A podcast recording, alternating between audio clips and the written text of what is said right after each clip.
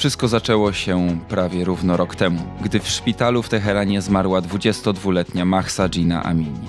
Trzy dni wcześniej młodą Kurdyjkę aresztowała policja obyczajowa w Iranie, prawdopodobnie za źle założony hijab. Władze twierdziły, że przyczyną śmierci Mahsy był zawał, ale prawda jest inna. Mahsa została prawdopodobnie zakatowana przez policję obyczajową. Jej śmierć była początkiem największych protestów w Iranie od rewolucji islamskiej z 1979 roku. Hasło, z którym Irańczycy przez miesiące wychodzili na ulicę, brzmiało Zan Zendegi Azadi kobieta, życie, wolność. Dzisiaj w podcaście przyjrzymy się, jak przez ten rok zmieniły Iran i co stało się z tymi trzema słowami, z tym hasłem. Dzień dobry, przy mikrofonach Krzysztof Story i Wojciech Jagielski. Słuchacie podcastu Tygodnika Powszechnego.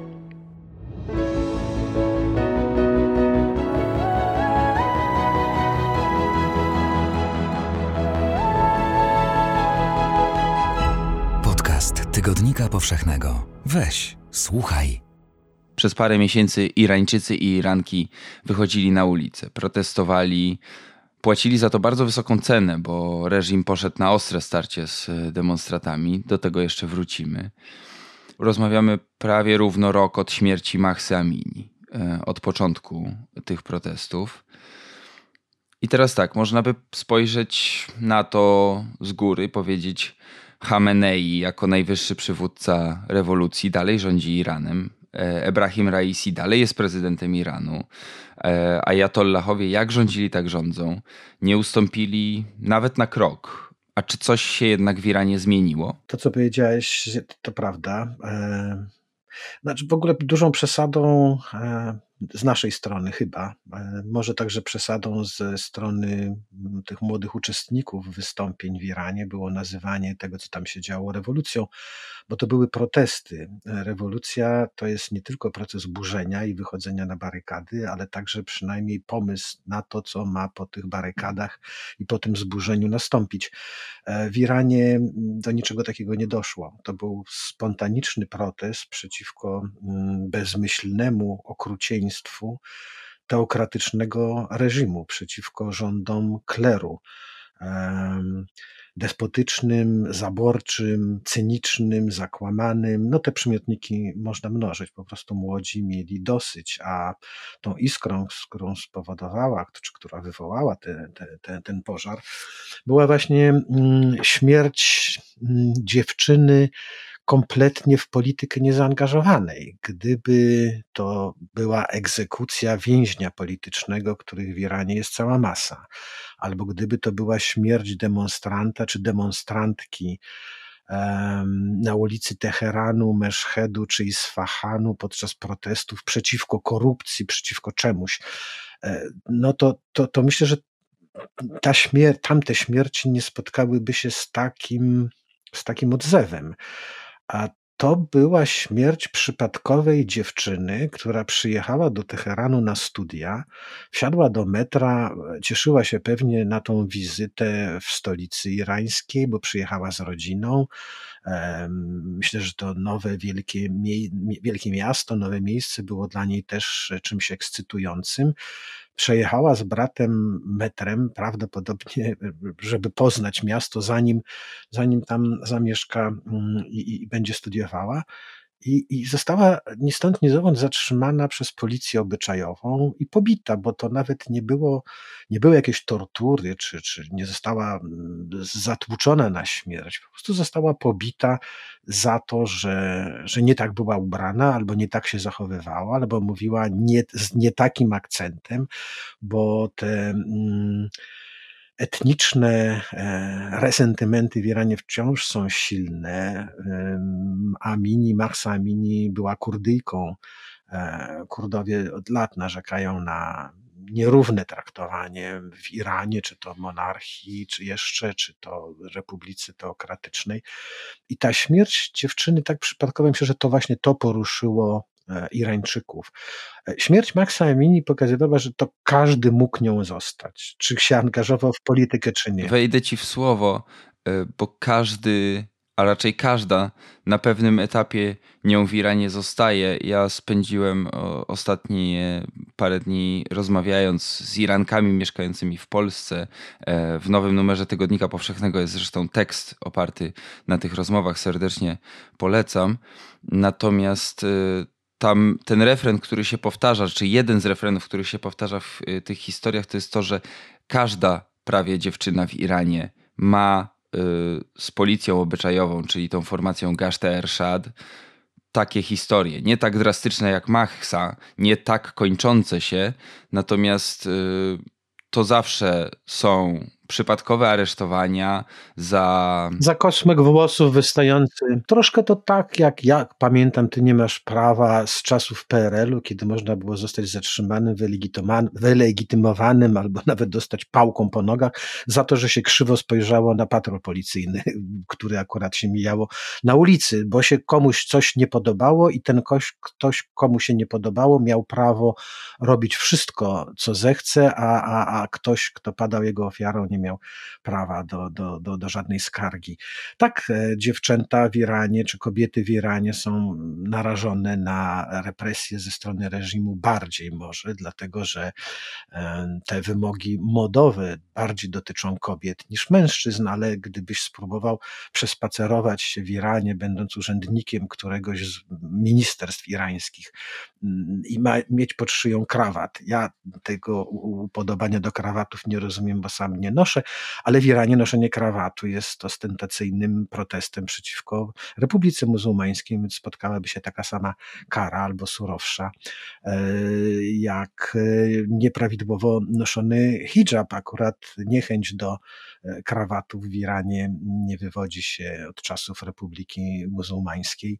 Tam się krawatów po prostu nie nosi, ale, ale, ale to prawda, takie absurdalne nakazy, prawa, przepisy, które ingerują w prywatność ludzi, no są czymś, myślę, e, bardzo dokuczliwym. Oczywiście to nie one decydują o mm, komforcie albo niekomforcie życia w Iranie dzisiejszym, ale, ale to z nimi na każdym kroku e, Irańczycy się, się spotykają. Ale mówiłeś, pytałeś o te zmiany, które nastąpiły. No więc zmian jest wiele, a z drugiej strony nie zmieniło się tyle, nie zmieniło się aż tyle, nie, nie, nie doszło do aż takich zmian, które byśmy się spodziewali po rewolucji, jeżeli to, co zdarzyło się w Iranie, miało być rewolucją, bo rzeczywiście podstawy reżimu nie zostały nawet poruszone, wstrząśnięte, są jakie były. E, najwyższy przywódca Hamenei, coraz starszy, coraz bardziej schorowany, nominalnie przynajmniej pozostaje szefem państwa. Prezydent Raisi jest za to prezydentem i przywódcą coraz bardziej. Te, te, te protesty, te wystąpienia tylko jego władze umocniły, dlatego że skonsolidowały jeszcze bardziej obóz jastrzębi wśród ajatollahów, wśród tego teokratycznego reżimu i ten reżim będzie tak bardzo surowy, nie odpuści, dopóki nie nastąpi sukcesja tronu, dopóki Ibrahim Raisi nie zostanie następcą Alego Hameneja na, na tym urzędzie najwyższego przywódcy. Wtedy zostanie wybrany nowy prezydent, bo prezydent nie ma w Iranie nic do powiedzenia albo niewiele, natomiast liczy się tylko postać y, i decyzje najwyższego przywódcy duchowego i politycznego, i o to stanowisko w polityce irańskiej teraz idzie batalia. Nie o, nie o mandaty w parlamencie, nie, nie, nie o nic więcej, tylko o, o to, kto będzie następcą Olego Hameneja i Raisi i, jego frakcja bardzo prze, mm, od dawna zresztą, no bo nawet to, że on został prezydentem, Hamenei zanim został następcą Ayatollaha Khomeiniego też był prezydentem Iranu, więc ta kolej rzeczy zapewne się powtórzy, choć myślę, że e, Raisi ma dzisiaj e, może nie to, że poważniejszych rywali, bo rywale byli poważniejsi w dawnych czasach, w tych im bardziej współczesnych czasach, tym mniej poważna polityka, mniej poważni politycy, w ogóle e, nie pasujący do tego do określenia mąż stanu. Mężowie stanu to byli kiedyś, a wśród dzisiejszych polityków to mało kto albo nikt na ten tytuł nie zasługuje. Natomiast e, ta sukcesja, tak jak była trudna w czasach Khomeiniego, tak samo jest trudna dzisiaj i Raisi zrobi wszystko, żeby żeby, żeby ją przeprowadzić na swoją korzyść. Dlatego nie mógł ustąpić w zeszłym roku i nie ustąpi dzisiaj. Mm, Policja obyczajowa, która e, wywołała tą całą eksplozję protestów,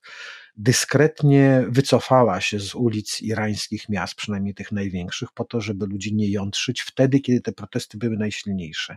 A one były najsilniejsze jesienią zeszłego roku, w październiku, w listopadzie. Natomiast jak tylko protesty zaczęły cichnąć, um, myślę, że zmęczenie brało górę i troszkę terror ze strony reżimu, ale im te protesty były mniej burzliwe, mniej liczne, to policja obyczajowa e, tak samo dyskretnie na te ulice wraczała, a w czerwcu, w lipcu w tym roku, kiedy reżim poczuł się już znów mocny, wróciła. I to wróciła ostentacyjnie, mm, aresztując, zatrzymując kobiety, instalując na teherańskich, meszcheckich i sfachańskich ulicach kamery przemysłowe, które mm, filmują i wyłapują w tłumie kobiety, które hijabów nie noszą, e, żeby nie dochodziło do aresztowań na ulicach, które mogłyby sprowokować e, nowe protesty.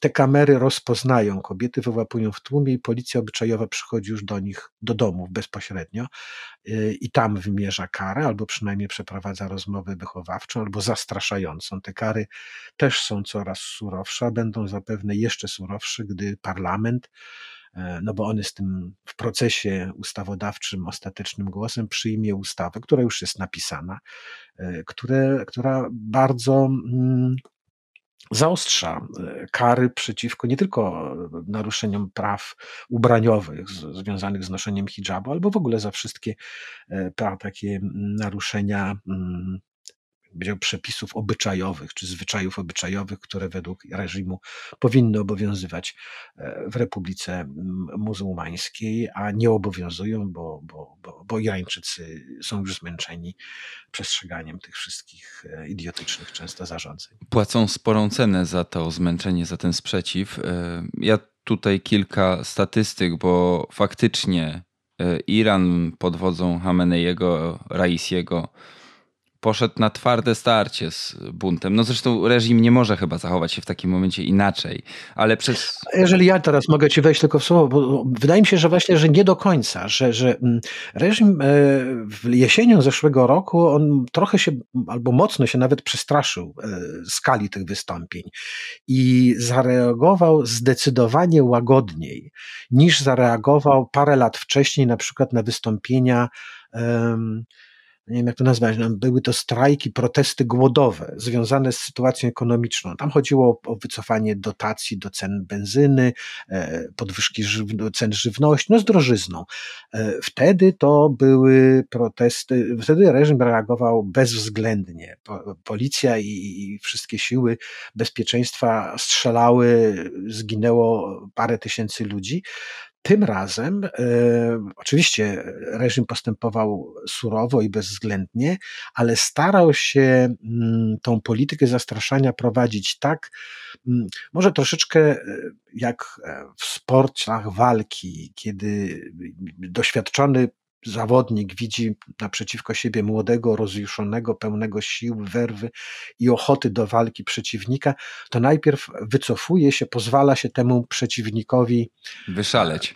Wyszumieć, tak, wyszumieć, e, chce go zmęczyć po prostu unikami. Więc ten reżim w październiku, listopadzie i grudniu unikał starć. Owszem, posyłał policję, posyłał strażników rewolucji, e, tych basidżów, e, policję, milicje zbrojne, ale takiej otwartej konfrontacji konfrontacji unikał. Ta konfrontacja, czy powiedzmy zaostrzenie, przekręcenie śruby zaczynało, zaczęło się wtedy, kiedy już ajatollahowie widzieli, że, że, że ten żar e, protestów e, nieco wygasł, że mogą sobie pozwolić na więcej.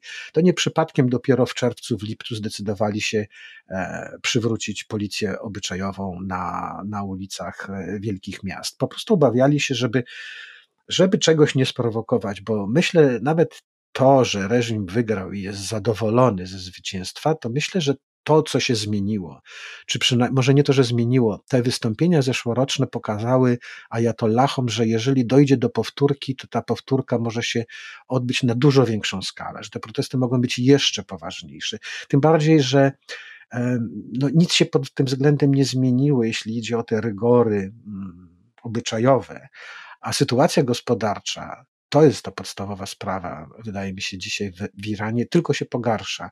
Na razie ludzie są tak zmęczeni tą drożyzną i, i tymi codziennymi zmaganiami e, z, z, z, codziennym życiem, że mm, odłożyli może troszkę na bok sprawę hijabów, e, polityki, tego wszystkiego, ale jeżeli to jedno z drugim się połączy, a jak przypadkowo może nastąpić taka eksplozja, no to przekonaliśmy się we wrześniu zeszłego roku. Przecież nikt się nie spodziewał w Iranie, że, że protesty wybuchną właśnie, że dojdzie do takiego nieszczęścia i że akurat to nieszczęście wywoła taką lawinę. No, chodzisz po górach, wiesz doskonale, że lawinę może spowodować zupełnie niewinny kamyczek, prawda? Którego by się nikt nie obawiał i nigdy nie spodziewał, a skutki mogą być, mogą być e, tragiczne dla, dla, dla każdego. I tego, kto się pod tą lawiną znajdzie, i tego, kto tą lawinę wywoła.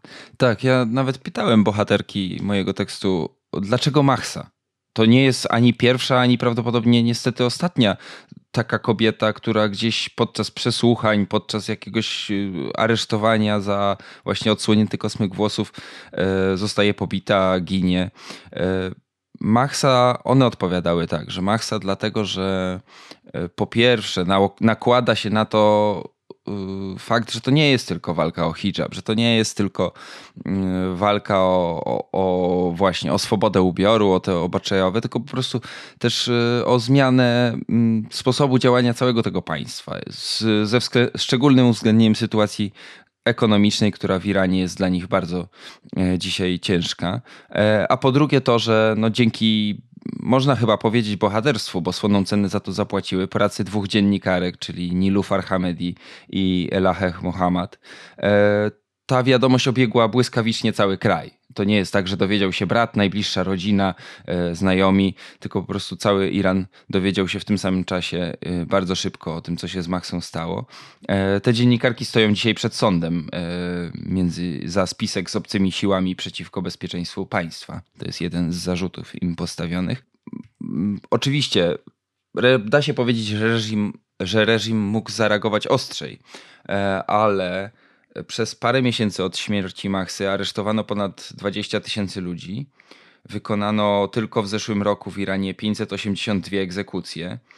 Szacuje się, tutaj te szacunki są bardzo niepewne, no bo wyobraźmy sobie, jak pewne dane mogą zbierać organizacje walczące o prawa człowieka w Iranie. E, ale szacuje się, że ponad pół tysiąca osób straciło życie na ulicach, e, zabitych przez właśnie te bojówki paramilitarne, basidżów, policję i inne służby. Według ONZ zginęło w tych protestach co najmniej 44 dzieci. Jedną z metod stosowanych przez reżim był gaz, który wpuszczano do szkół. Szacuje się, że ponad e, tysiąc uczniów i uczennic mogło zostać narażonych na jakąś uszczerbek na zdrowiu przez po prostu e, otrucie gazem. To też pokazuje, że większość tego tłumu na ulicach, tych protestujących, to byli bardzo młodzi ludzie. To byli ludzie poniżej 20 roku życia e, i to też widać było na nagraniach. I to są ludzie, którzy trochę walczą o cały świat, w którym będą żyć. E, bo nie każdego będzie stać na wyjazd z Iranu. To jest y, ciężkie. Iranki mieszkające w Polsce opowiadały mi o latach spędzonych na odkładaniu pieniędzy na to, żeby wyjechać, albo zdobyciu odpowiedniego wykształcenia, z którymi będzie można się dostać na studia w Polsce, w Europie, gdziekolwiek.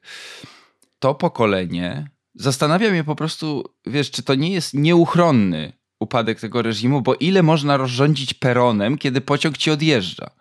No, e, śmierć e, i to marną Republice Ajatollahów wróżono już e, wielokrotnie i, i od lat i, i, każde kolejne pokolenie miało być właśnie tym pokoleniem, które tą republikę miało obalić. Ale nie masz wrażenia, że jesteśmy coraz bliżej? A nie wiem, nie mam pojęcia. Ja przeżyłem, znaczy przeżyłem to dużo powiedziane, bo, bo przecież to nie ja przeżyłem, ale za mojego życia, także dziennikarskiego przynajmniej kilkakrotnie wieszczono, że już już z tego, z tego kryzysu Republika Muzułmańska nie wyjdzie. Tak było w 2009 roku, kiedy sfałszowano wybory i to wtedy były największe wystąpienia antyrządowe w Iranie.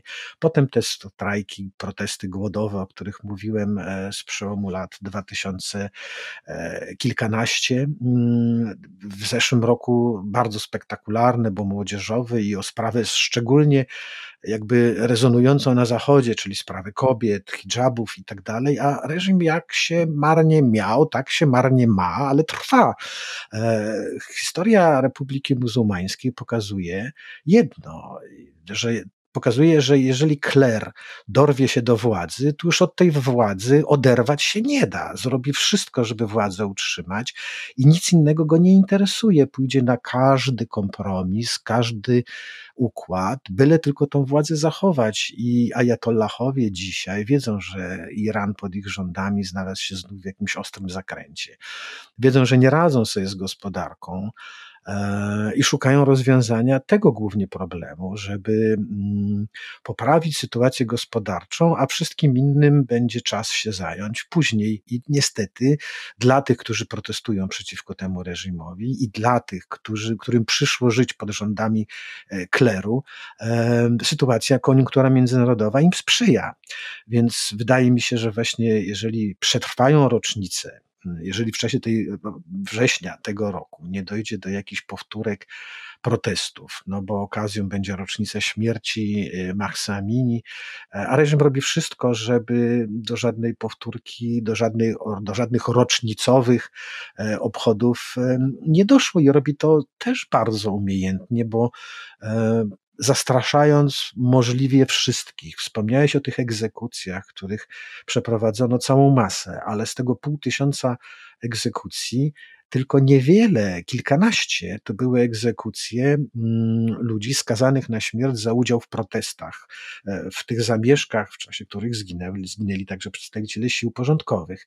E, wieszano, bo tak się, e, tak się, tak się, tak się przeprowadza egzekucje w Iranie, głównie przestępców, przede wszystkim przemytników narkotyków, przede wszystkim beludżów. Bo to Ponad połowa z tych 582 tak, egzekucji to są. No właśnie, vlastně. Ale liczba egzekucji miała pokazać wszystkim w Iranie, przemytnikom narkotyków i narkomanom, protestującym i spolegliwym, że reżim nie cofnie się przed przemocą i ta ręka sprawiedliwości ludowej dosięgnie każdego, się, który się tej sprawiedliwości ludowej nie spodoba. Więc masa tych egzekucji i upublicznienie ich, bo, bo z tymi egzekucjami się nie skrywano, jak wcześniej. Oczywiście, oczywiście Ajatollahom tam na opinii zachodnich obrońców praw człowieka w ogóle nie zależy, tak samo jak na opinii ONZ. To robią co chcą, ale w zależności od swoich własnych potrzeb albo mm, upubliczniają tą swoją bezwzględność, tą surowość, albo się z nią kryją. Po protestach e, zeszłorocznych nie tylko, że się nie kryli, ale jakby jeszcze ją obnosili się z tą swoją surowością. Zobaczcie, mówili do Irańczyków, co spotka każdego, który wejdzie nam w drogę. E, nie prześladują. Tak, no to były wieszano tych ludzi na przykład na dźwigach budowlanych. To no. też jest tak. Jeden ze sposobów, właśnie ta liczba egzekucji publicznych, żeby pokazać ludziom e, i światu, e, że, że co by oni tam, ten świat, jak nie protestował, jak nie robił, to ajatollahowie postąpią tak, jak uważają, że jest słusznie i zgodnie zgodnie z wolą Bożą, no bo ona się tylko liczy, a oni jako jedyni rozumiejący tą wolę i potrafiący interpretować, to jest dopiero ten argument i siła, nie programy polityczne, nie jakaś tam przynależność partyjna, ale właśnie ten argument, że oni są jedynymi mądralami, którzy, którzy potrafią interpretować um, Słowo Boże i, i, i, oni nie powołują się na, na nie, nie, szukają zwolenników, tylko dzielą, dzielą ludzi na tych, którzy są wierni i ich trzeba nagradzać, ale oni, ci wierni właśnie, powinni posłusznie e, zmierzać e, za swoimi e, pasterzami i na tych, którzy jeśli protestują, to są bezbożnikami, a więc bezbożników to nawet nie ma co mm, nawracać, trzeba po prostu zepchnąć ich na jakiś margines i niech tam sobie wegetują, wyjeżdżają gdzieś w świat, jakim się nie podoba w państwie Bożym. No to jest, to jest republika kleru i warto się Iranowi przyglądać także z tego, pod tym kątem. I jak trwałe są to rządy i jak nie sposób przeciwko tym rządom wystąpić, dlatego że występowanie przeciwko klerowi, kler tak to obróci, jest występowaniem przeciwko Bogu, więc jesteś, protestując przeciwko rządom duchownych, jesteś bezbożnikiem, grzesznikiem, po prostu, e, więc obalenie Republiki Muzułmańskiej w Iranie przez ludzi wierzących e, no jest niezwykle trudne. Tam na samym początku ten margines działalności, to nie jest świecka republika, tam nie ma mm, miejsca dla świeckiej świeckich partii.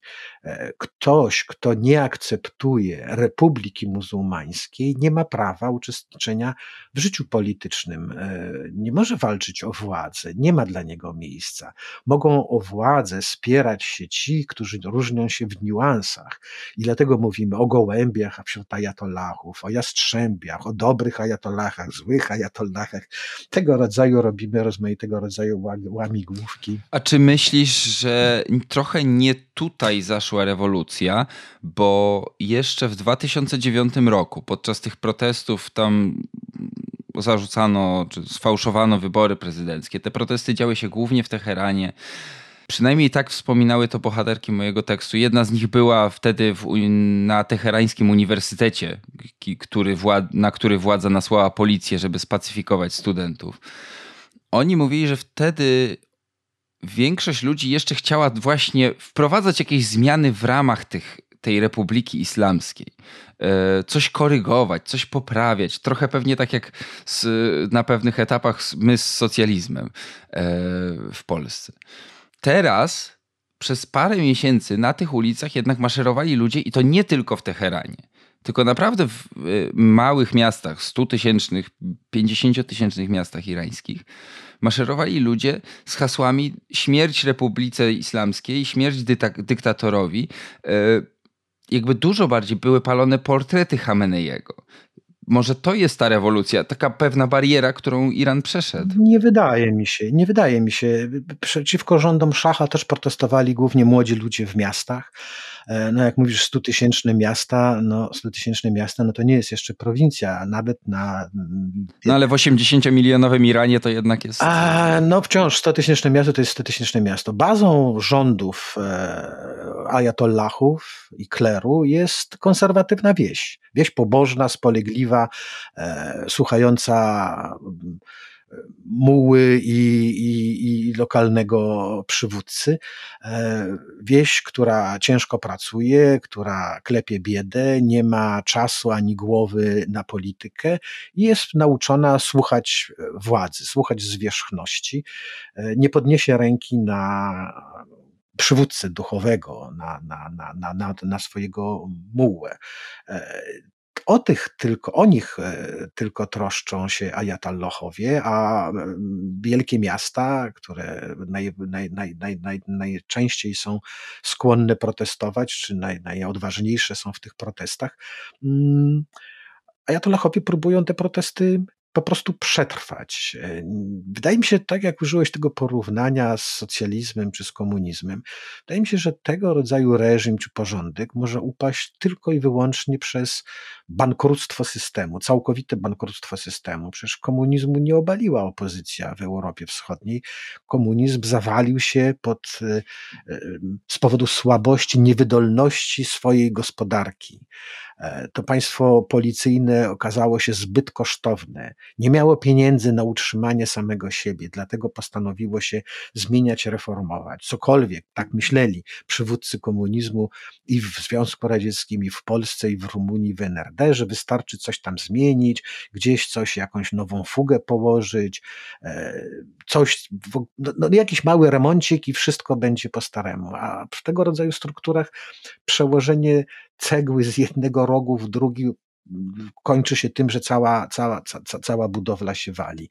I trudno mi uwierzyć, e, wyobrazić sobie, ale zapewne jest to kwestia mojej ograniczonej wyobraźni, żeby w Iranie e, doszło do politycznych zmian, żeby Republika Muzułmańska, ta teokratyczna, ta Republika Kleru przestała być Republiką Kleru, dlatego że ktoś wśród kleru uznał, że tak jest niesprawiedliwie, że dobrze dopuścić kogoś innego jeszcze do władzy, podzielić się tą władzą, albo żeby wysłuchać tych, którym się porządki takie nie podobają, żeby e, wysłuchać choćby kobiet, które mówią, że w tych hijabach, no jednak może to im będzie zostawiona decyzja, jak one chodzą ubrane. Nie. Kler mówi, że to klerowi przysługuje decyzja, jak będą chodziły ubrane kobiety. Ach, jeszcze ubiór kobiet to jest mały, mały, mały naj, naj, najmniejszy problem, ale Kler chce ingerować absolutnie we wszystko. E, I, i, I tylko bankructwo tego systemu, gospodarcze przede wszystkim, doprowadzi do zawalenia się e, porządku i Republiki Muzułmańskiej. A póki co te kryzysy, które się powtarzają i mówi się, że są coraz, coraz głębsze i coraz głębsze, to jednak nie, sytuacja nie jest aż tak dramatyczna, żeby doprowadziła do, do, do, do śmierci tej republiki. Do śmierci Republiki Muzułmańskiej nie doprowadziła ośmioletnia wojna, wyjątkowo barbarzyńska, krwawa i na wyniszczenie z sąsiednim Irakiem. Ta wojna irańsko-iracka z lat 1980-88 wybuchła głównie po to, żeby wykrwawić właśnie ajatollahów i żeby obalić ich republikę młodziutką jeszcze w Teheranie. To były zamierzchłe czasy, kiedy Saddam Hussein był uważany na Zachodzie może nie za sojusznika, ale za przydatnego idiotę, którego można było posłać na, na ajatollahów, e, wrogów zaprzysięgłych. Ta wojna doprowadziła do śmierci milionów ludzi, zniszczyła gospodarki obydwu krajów. To, co się później działo w Iraku i problem z Saddamem, to też brał swój początek w wyniszczeniu gospodarczym tego kraju, ale Republika Muzułmańska w Iranie jak trwała? Tak trwa dziś. E, więc te dzisiejsze kryzysy i te zmieniające się konstelacje międzynarodowe nie są dla ajatollahów jakimś y, czymś, co, co by ich straszyło po nocach. Tym bardziej, że wydaje mi się, że właśnie paradoksalnie dziś ta koniunktura im sprzyja. Wojna rosyjska e, w Ukrainie sprawia, że Irańczycy, ajatollahowie mogą sprzedawać Rosji uzbrojenie, a z kolei Amerykanie, nie chcąc, żeby Irańczycy wspierali Rosję zbrojnie, e, zaczynają rozmawiać z Iranem, że a może byśmy wrócili do tej umowy e, atomowej, może coś tam może spróbujmy się nie kłócić aż tak ostro. E, wycofanie się Stanów Zjednoczonych z Bliskiego Wschodu sprawiło, że na Bliski Wschód, może nie z takim przytupem, ale Chińczycy z przytupem niczego nie robią, ale oni już tam są, a w tym roku doprowadzili do pojednania, czyli do cudu, jakby e, nikomu się to wcześniej nie udało w ostatnich latach, doprowadzili do pojednania Iranu z Arabią Saudyjską. Niedawno ambasador saudyjski wrócił do Teheranu, a irański do, do Riyadu, a przecież to była główna jakby batalia polityczna na całym Bliskim Wschodzie. E, batalia, rywalizacja o przywództwo między sunnicką Arabią Saudyjską i, i, i szyickim rewolucyjnym um, Iranem. Więc to wszystko jakby działa na korzyść na korzyść ajatollahów. Ba, no, w tym roku zostali zaproszeni, żeby Iran bankrut, może nie bankrut, ale którego gospodarka ledwo zipie, Iran został zaproszony, czy by nie, nie, nie, nie wstąpił od stycznia przyszłego roku do tego ugrupowania BRICS, e, gdzie tam jest Chiny, Indie, Rosja, Brazylia, Południowa Afryka poszerzają stycznia prawie dwukrotnie i Iran został doproszony. Więc dla ajatollahów jest to sygnał, że że są mile widzianymi e, na światowych salonach i że te salony otwierają się dla nich, a nie zamykają. Więc ta izolacja, ostracyzm ajatollahów jest tylko na zachodzie. A i też nie do końca, bo parę godzin temu yy, poinformowano, co to tego się spodziewaliśmy, ale, ale Associated Press yy, jakby ma już oficjalną informację, agencja prasowa, że Antony Blinken, sekretarz stanu yy, Stanów Zjednoczonych, podpisał czek Mm, czy takie czasowe zniesienie sankcji, którymi e, ten Zachód obłożył Iran, żeby wypłacić Iranowi 6 miliardów dolarów zamrożonych pieniędzy, to jest element wymiany więźniów e, mm, między Stanami i Iranem. E, natomiast też widać, że właśnie, że Iran zaczyna być partnerem. Iran może grać na kilka stron. E, Iran ma swój hit eksportowy, czyli te bezzałogowe drony, e, którymi, które są nie tylko narzędziem broni, ale też narzędziem polityki zagranicznej. Tak? Tem, temu damy, temu nie damy. Tak, ale to są też, też jeszcze w dodatku są to, są to drony marnej jakości, e, tanie. Oczywiście, ale, ale hitem zostały. Ale, ale akurat tak, no ale po, ponieważ jest coś taniego, e, tak jak mówiło się o produktach, e, zanim Chiny zaczęły produkować towary najwyższej jakości, to chińszczyzna e, uchodziła za, za, za właśnie synonim jakby tandety, ale taniej i, i mającą wzięcie. Więc te irańskie drony są dzisiaj czymś takim bronią jednorazowego użytku. Nie przypadkiem to są drony samobójcze, które tylko jednego lotu w swoim zbrojnym życiu dokonują, ale jest na nie zapotrzebowanie z powodu tego konfliktu w Ukrainie. A... Ale wiesz co, yy, zostawmy może drony i wojskowość, bo ja zmierzałem do takiego pytania, wiesz, skoro Iran to jest, wiesz, bardzo y, wykształcone społeczeństwo, y, zasobne, jeśli chodzi o natura, o to, w co obrodziła natura pod ziemią, y, ropę, gaz. Dlaczego ta gospodarka ledwo zipie? No bo, no bo, bo idioci nią zarządzają. Kler nie zna się na gospodarce. No, Kler zna się na sprawach duchowości, wie jak się modlić, czytać e, święte teksty, ale, ale no, no, to oczywiście, no, przepraszam duchownych, którzy okazują się znakomitymi przedsiębiorcami. Są wśród kleru nieliczne jednostki, chociaż z drugiej strony... No jakoś na, pol jakoś na policjach obyczajowych i paramilitarnych bojówkach to się znają. E, też. A na gospodarce nie? Na gospodarce zapewne znają się, chociaż traktu gospodarkę traktują bardzo wybiórczo. Znają się na tych sprawach, na których oni zarabiają i oni się świetnie mają. E, na, zwykle w takich krajach deficytu świetnie mają się ci, którzy są u żłoba, u władzy. No więc e, z całą pewnością ci z kleru irańskiego, czy, czy, czy z przyjaciół kleru, którzy mają dostęp do żłoba, oni sobie na nic nie narzekają. Im większy deficyt, tym oni mają się lepiej, bo ich na to stać. Ich, oni się wyżywią mimo rozmaitego rodzaju sankcji, a im jest sytuacja gorsza, im bardziej e, czarnorynkowa gospodarka e, ma się znakomicie, to tym lepiej mają się właśnie ci spekulanci z pogranicza władzy i gospodarki. To im to, oni się tutaj znakomicie znakomicie odnajdują. Natomiast y, nie potrafią zresztą nie tylko oni, y, zajmować się gospodarką y, czegoś takiego co bardziej skomplikowanego urządzenia, jakim jest państwo. E, dbają o sprzedaż ropy naftowej niemal wyłącznie, bo ta ropa naftowa uzależniła Iran od tego czarnego złota. Najłatwiej było obłożyć sankcjami właśnie związanymi z ropą naftową Iran. Zakaz eksportu sprawiał, że ta gospodarka zaczęła się mieć coraz gorzej, coraz gorzej, bo do budżetu irańskiego nie wpływały pieniądze. Ostatnio e, Iran sobie radzi, dlatego właśnie, że, że, że, że jakby te sankcje się poluzowały, czy powiedzmy ten ostracyzm nie jest już taki dotkliwy i Iran sprzedaje broń w świat, ale owszem, ropy naftowej Iranowi nie brakuje, gazu ziemnego też, natomiast zaczyna mu brakować czegoś jeszcze potrzebniejszego do życia, mianowicie wody. E, a to jest skutek też ekstensywnej gospodarki prowadzonej przez rządy ajatollahów, mające na względu e, na względzie przede wszystkim troskę o tą wieś, o tą bazę polityczną.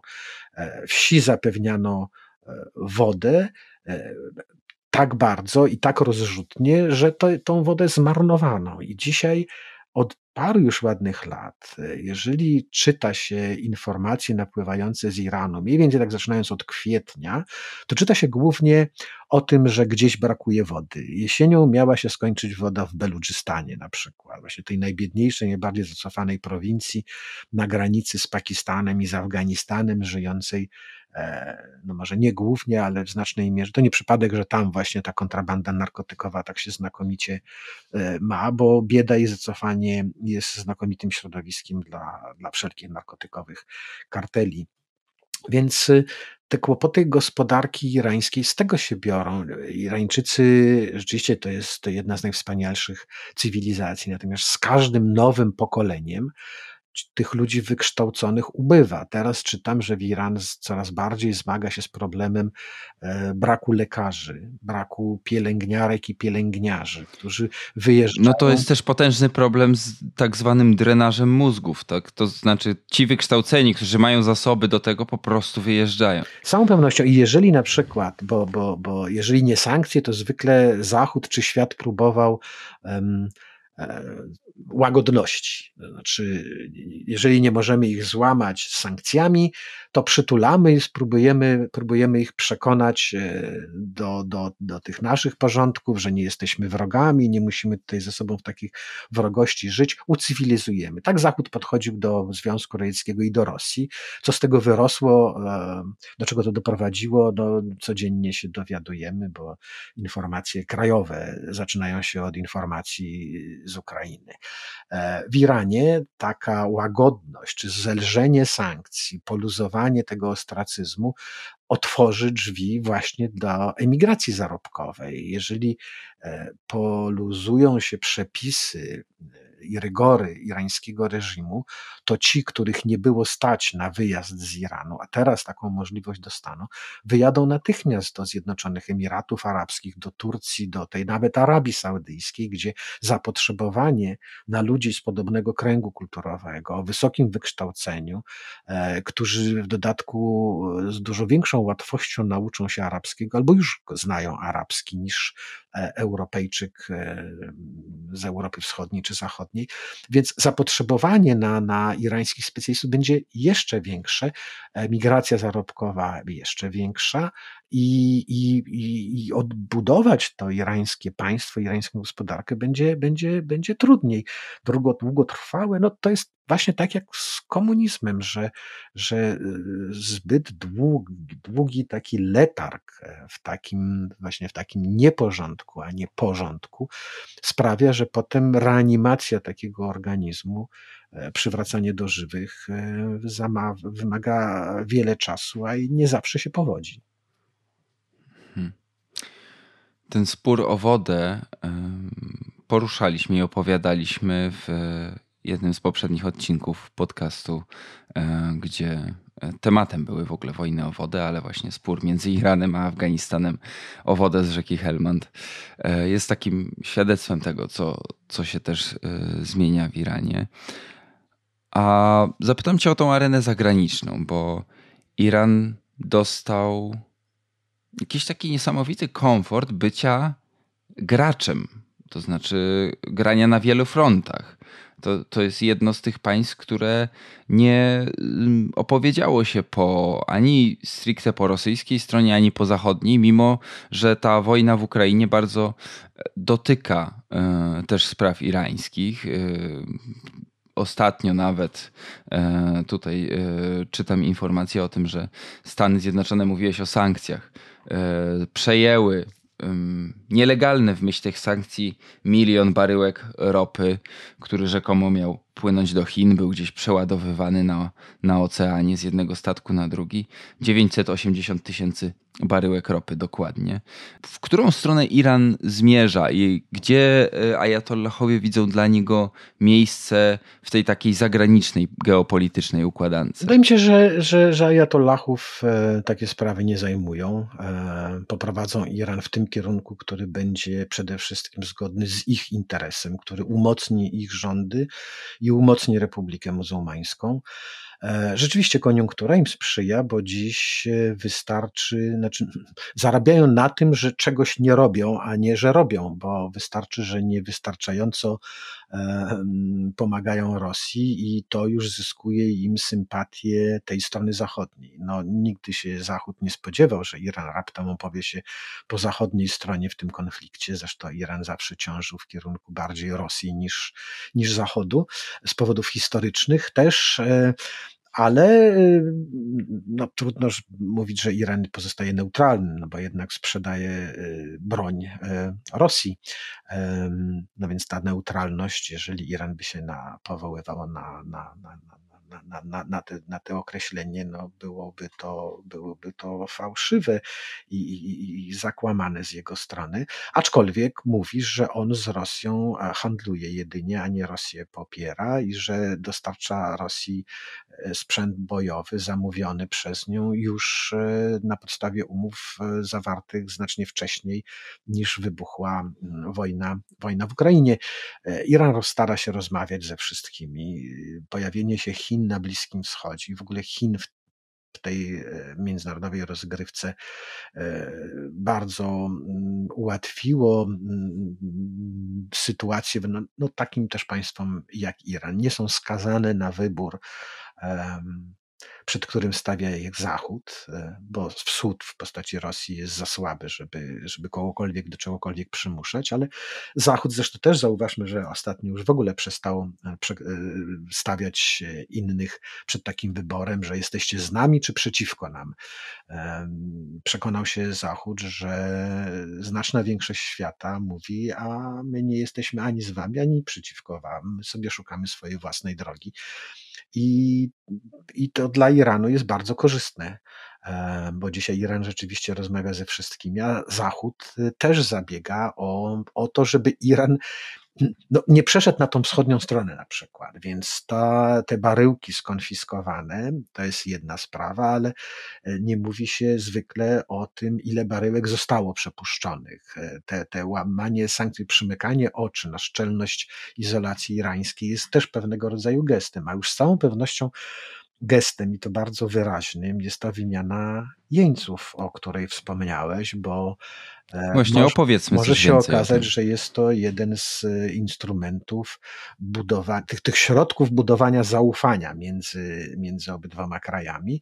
Chodzi tutaj o aresztowanych i więzionych w Stanach Zjednoczonych i w Iranie e, obywateli irańskich e, w Stanach Zjednoczonych, a w Iranie obywateli to są y, Irańczycy y, posiadający amerykańskie paszporty, ale rodziny w Iranie, a część z nich e, także ze Stanów przeniosła się z powrotem do ojczyzny, żeby tam mieszkać. Ci, którzy są więzieni w Iranie, zostali aresztowani, skazani pod zarzutem szpiegostwa. Ci, którzy są więzieni w Stanach Zjednoczonych, są więzieni z paragrafów zwiążących się z naruszaniem tych sankcji, którymi Zachód, głównie Stany Zjednoczone, obłożyły Iran. Więc e, w zamian za uwolnienie 6 miliardów irańskich zamrożonych w południowej Korei, doszło do tej wymiany więźniów. Czyli Iran, można powiedzieć, skorzystał podwójnie, bo Amerykanie uwolnili, czy uwolnią kilku irańskich więźniów i jednocześnie odblokują 6 miliardów dolarów. Iran tych 6 miliardów dolarów nie będzie mógł wydać od tak, na co mu się podoba, e, tylko będzie je wydawał na cele humanitarne, będzie kupował lekarstwa, żywność. Nad tym, na co będzie wydawał Iran te 6 miliardów, będzie baczył Katar, bo, bo to Katar właśnie jest głównym pośrednikiem w tych targach i także Mm, jakby to powiedzieć, no takim mediatorem. Zresztą tą rolę maleńki Katar stara się pełnić e, od lat. Katar też już z własnego, e, bardzo zasobnego skarbca zgodził się płacić wszystkie opłaty związane z tą wymianą, z odblokowaniem, z odmrożeniem irańskich pieniędzy i tak dalej. Myślę, że Katar to jest sporo z własnych pieniędzy za, za tą przysługę zapłaci, ale na pewno nie będzie na tym stratny. To możemy być pewni. Katarczycy, jeżeli wydają na coś pieniądze, co wydaje nam się dzisiaj rozrzutnością, za 10 lat się przekonamy, że, że, że był to świetnie zainwestowany kapitał i e, przychody Kataru z tego tytułu były nieporównywalnie większe niż e, wydane środki, ale e, no, to jest traktowane i tak to się ocenia jako gesty dobrej woli ze strony Stanów Zjednoczonych wobec Iranu i ze strony Iranu wobec Stanów Zjednoczonych. Jest to takie może nie zaproszenie do rozmów o czymś ważnym albo dużo ważniejszym niż wymiana więźniów, bo więźniami wymienili się także Amerykanie z Rosją. Viktor But, najsłynniejszy handlarz bronią, został wymieniony za sławną koszykarkę.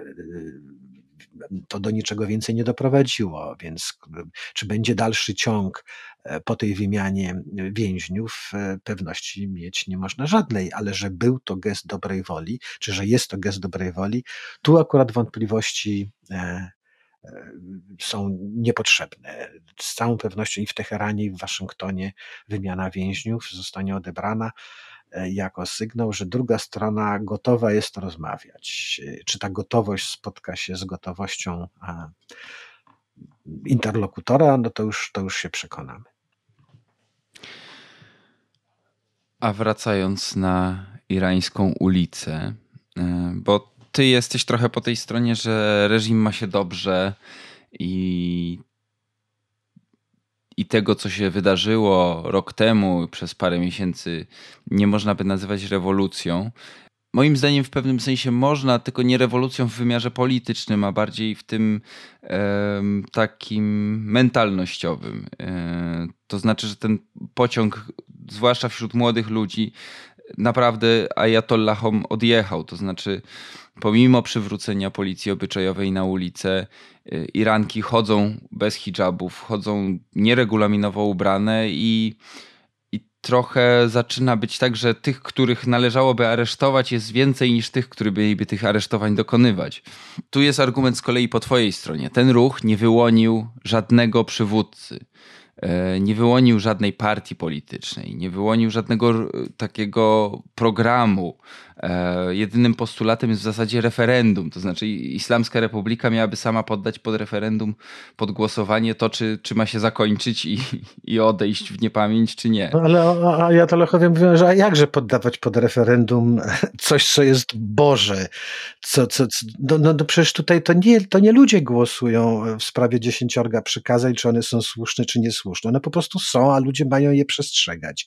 Więc y, nigdy Republika Islamska nie, nie, nie, nie, nie przynajmniej nie, nie ajatollahowie się zgodzą na to, żeby ludzie wybierali sobie e, porządek e, w ich kraju. E, ja nie mówię, że Republika ma się świetnie. Rządy ajatollahów i też nie mają się świetnie. Jeden ma się coraz marniej, ale rządy ajatollahów nie mają się źle nawet jeżeli nie mają się dobrze, to w każdym razie nic nie zapowiada ich upadku, albo tych przesłanek jest e, znacznie mniej niż tych, które, które, na których można budować tezę, że jednak ten kryzys ajatollahowie przetrwają. To, że młodzi ludzie w ogóle nie utożsamiają się, zwłaszcza z wielkich miast, zwłaszcza z uniwersytetów, nie utożsamiają się z Republiką Muzułmańską kierowaną przez ludzi będących w wieku ich dziadków, no to jest oczywista oczywistość, e, cytując tutaj klasyka, ale ja ajatollahowie stawiają krzyżyk na tej młodzieży. Ich ta młodzież niespecjalnie obchodzi, póki nie wychodzi na ulicę. E, byle nie protestowała, byle nie wszczynała jakichś tam nowych rewolucji, nie wznosiła baryka, to niech ona tam będzie. Czy kobiety będą chodzić bez hijabów? No, z całą pewnością chodzą i, i myślę, że tak prędko nie dadzą się do noszenia tych hijabów zmusić, ale reżim też nie odwołał obowiązku noszenia hijabów i dyskretniej, ale z taką samą determinacją ten nakaz będzie wymuszał, bo pani czy dziewczyna będzie chodziła sobie bez hijabu po ulicy Teherańskiej, ale na przykład jak się zgłosi do szpitala, żeby mm, po pomoc lekarską, to jej powiedzą, że może przyjść oczywiście, ale musi hijab założyć, bo inaczej ta pomoc nie zostanie jej udzielona, bo do szpitala inaczej kobiet się nie wpuszcza.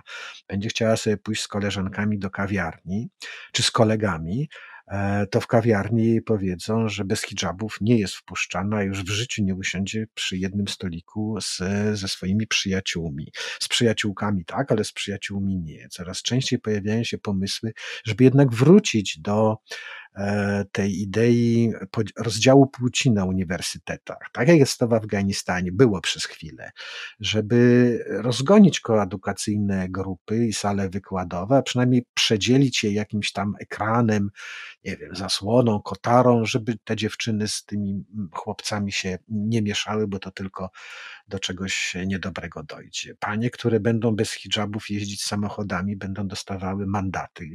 Na ulicy już nie będą zatrzymywane, ale, ale do domu mandat przyjdzie i trzeba będzie go zapłacić pod e, groźbą sankcji, aresztu, więzienia. Te mandaty, te kary mają być dużo surowsze. E, dziś są to groszowe sprawy, ale czytałem, że ta ustawa jest przygotowywana w parlamencie i że za prowadzenie samochodu bez hijabu może grozić konfiskata tego samochodu albo mandat w wysokości nawet do tysiąca dolarów. No to jest fortuna w Iranie.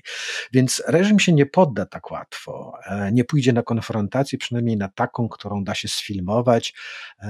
Będzie robił, będzie postępował troszkę wzorując się na Chinach, taką metodą tysiąca czy stu tysięcy kroczków wymuszających ustępstwa na przeciwnikach. A jeżeli ten przeciwnik mimo to nie da się przekonać ani zastraszyć, no zakłamanie to jest podstawowa zasada e, wszelkich rządów e, teokratycznych, więc e, tu też kler nie będzie bezradny. Jest jeszcze jedna kwestia, która będzie wymagała myślę, prawdziwej rewolucji w Iranie, jeśli kiedykolwiek do niej dojdzie i to państwo z Republiki Islamskiej stanie się czymś innym.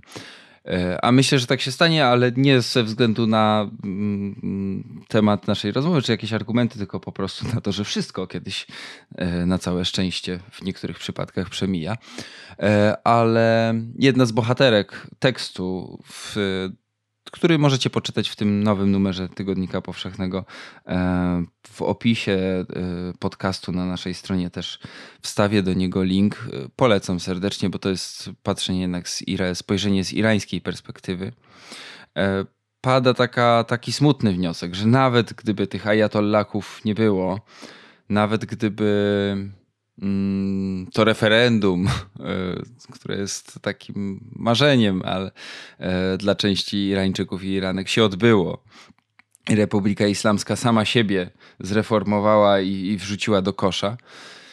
E, to miną dekady, zanim to społeczeństwo będzie dało, będzie umiało się ze sobą dogadać, bo to jest też już, jeśli my myślimy o polaryzacji w Polsce, to wyobraźmy, co się dzieje, e, wyobraźmy sobie, co się dzieje w Iranie, kiedy e, jedna strona uważa, że to jest dyktatura, skansen, e, opresyjny reżim, a druga uważa, że tamci pójdą do piekła po prostu. Więc nie jest to na pewno łatwa rozmowa.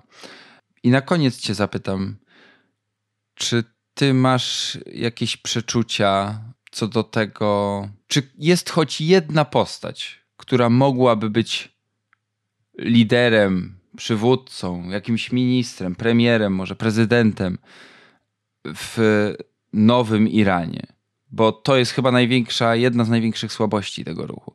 Mówi się tylko o synu ostatniego szacha, ostatniego króla Iranu, czyli o Rezie Pahlavi. No, jeżeli syn obalonego szacha jest jedyną nadzieją irańskiej opozycji, to sytuacja Iranu jest kompletnie beznadziejna. E, jeżeli to liczy, jeżeli e, uzdrowić, czy receptą na problemy Iranu miałby być ktoś, kto w tym kraju nie mieszka od 40 lat, e, no to, to czeka Iran nieszczęście. Gdzie on mieszka w Stanach Zjednoczonych, prawda? Mieszka w Stanach Zjednoczonych, podobnie zresztą jak e, większość e, irańskiej diaspory. E, zresztą ta diaspora i przywódcy polityczni tej diaspory głównie na emigracji zajmują się kłótniami, są dużo bardziej skłóceni niż irańscy atollahowie dzielący się na tych gołębi i jastrzębi. To też jest siła, że no dzięki temu, znaczy, no nie, no bądźmy poważni, nie mogą przywódcami rewolucji być przywódcy z diaspory. To rewolucja, która nie wyłoni swoich własnych przywódców, e, przegrywa albo nie jest rewolucją.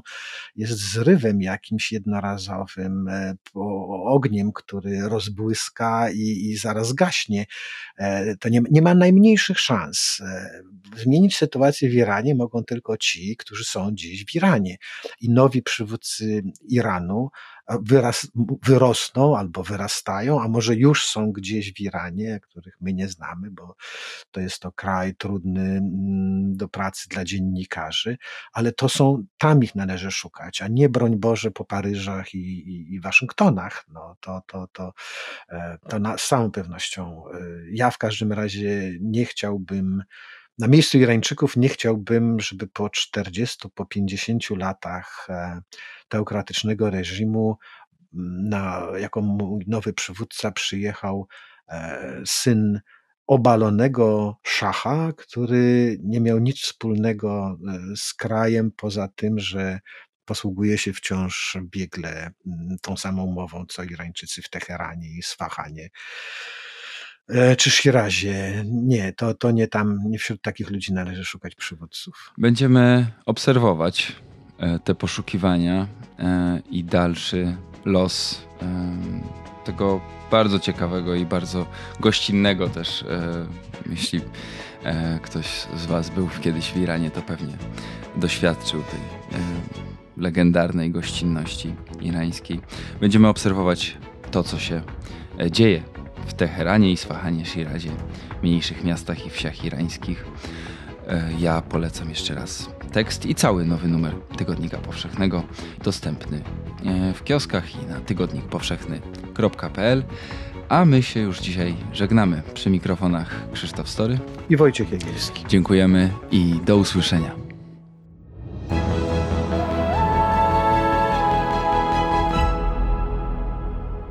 Dziękujemy za wysłuchanie podcastu powszechnego. Teraz zapraszamy na www.tygodnikpowszechny.pl, gdzie znajdziesz więcej materiałów pisma niezależnego dzięki swoim czytelniczkom i czytelnikom. Weź, czytaj i rośnij z nami.